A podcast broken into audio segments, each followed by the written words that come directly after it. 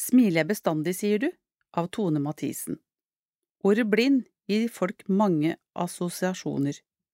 Noen av dem er mer frekvente enn andre, nærmest standardoppfatninger. Hvilke forventninger har du til hvordan en blind person er? Jeg opplever at folk ofte har oppfatninger om blinde ut fra hva de har fanget opp i media. Intervjuobjektet eller den portretterte blinde er som regel tydelig budskap og fremtoning, og vi opplever at vedkommende gir et representativt inntrykk av oss. Det som er synd, er at slike program eller innslag dessverre ofte bidrar til å snevre inn oppfatninger om hva det vil si å være blind. De fleste av oss er nemlig som seende, vi er forskjellige. Vi er gode på ulike ting, dårlige på ulike ting, sterke i noen situasjoner, mer sårbare i andre.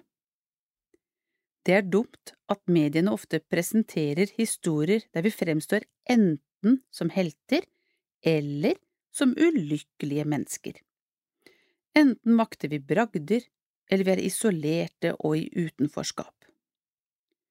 En versjon midt imellom gir ikke samme publikumsrespons, det selger dårligere.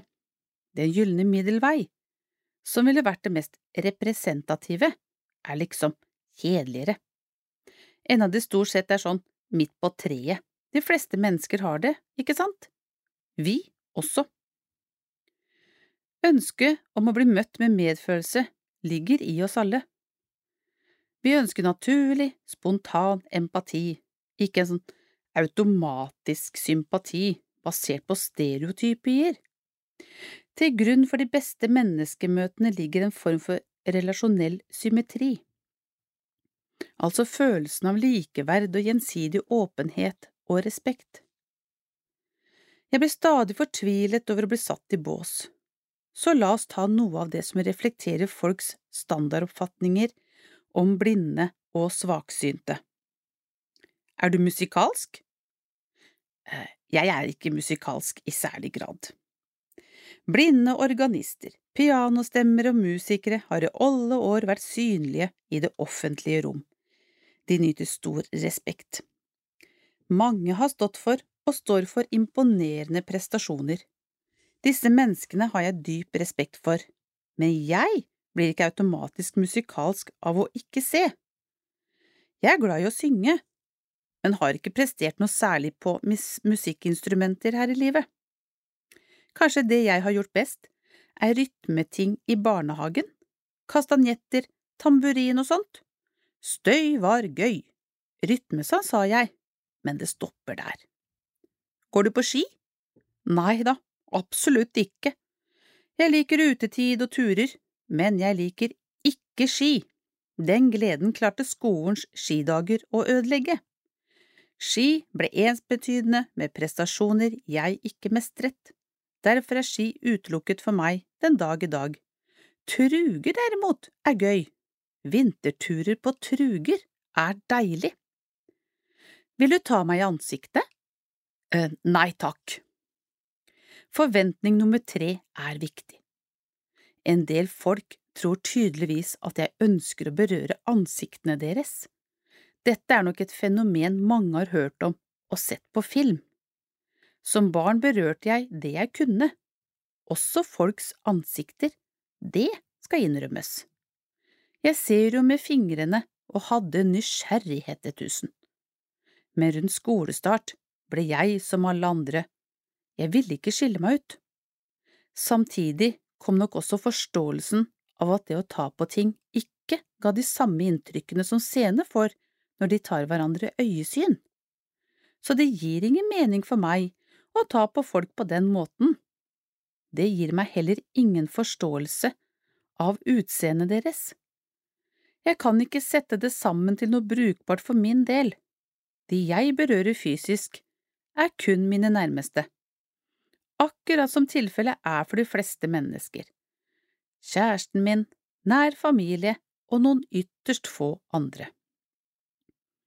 Du kan dermed med stor sannsynlighet omgås blinde uten at de begynner å ta deg i ansiktet eller gjøre andre ting som føles ubehagelig.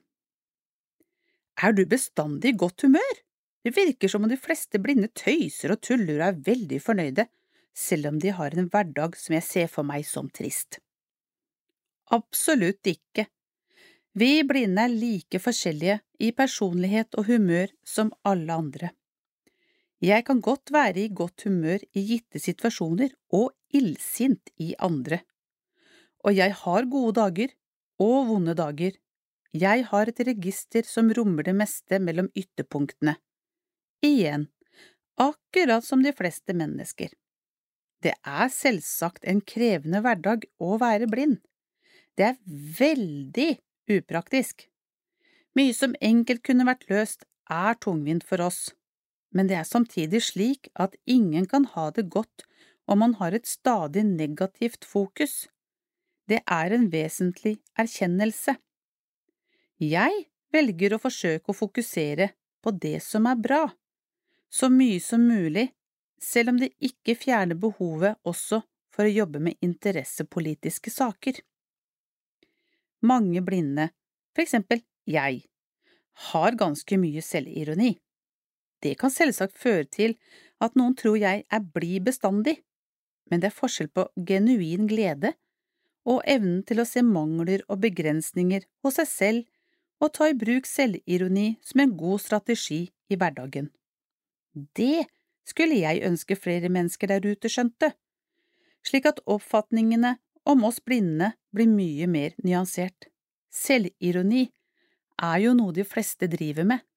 Noen ganger skyver den foran oss, nesten som et skjold, eller vi vifter med den som en vimpel. Andre ganger lener vi oss på den som en trøst. Uansett er det en booster i hverdagen. Er det noe vi trenger både i og utenom koronatider, er det det. Så får vi kjenne på den dype, ekte gleden de gangene den kommer. Det er langt innenfra. Det smilet er gull, og det er et helt annet.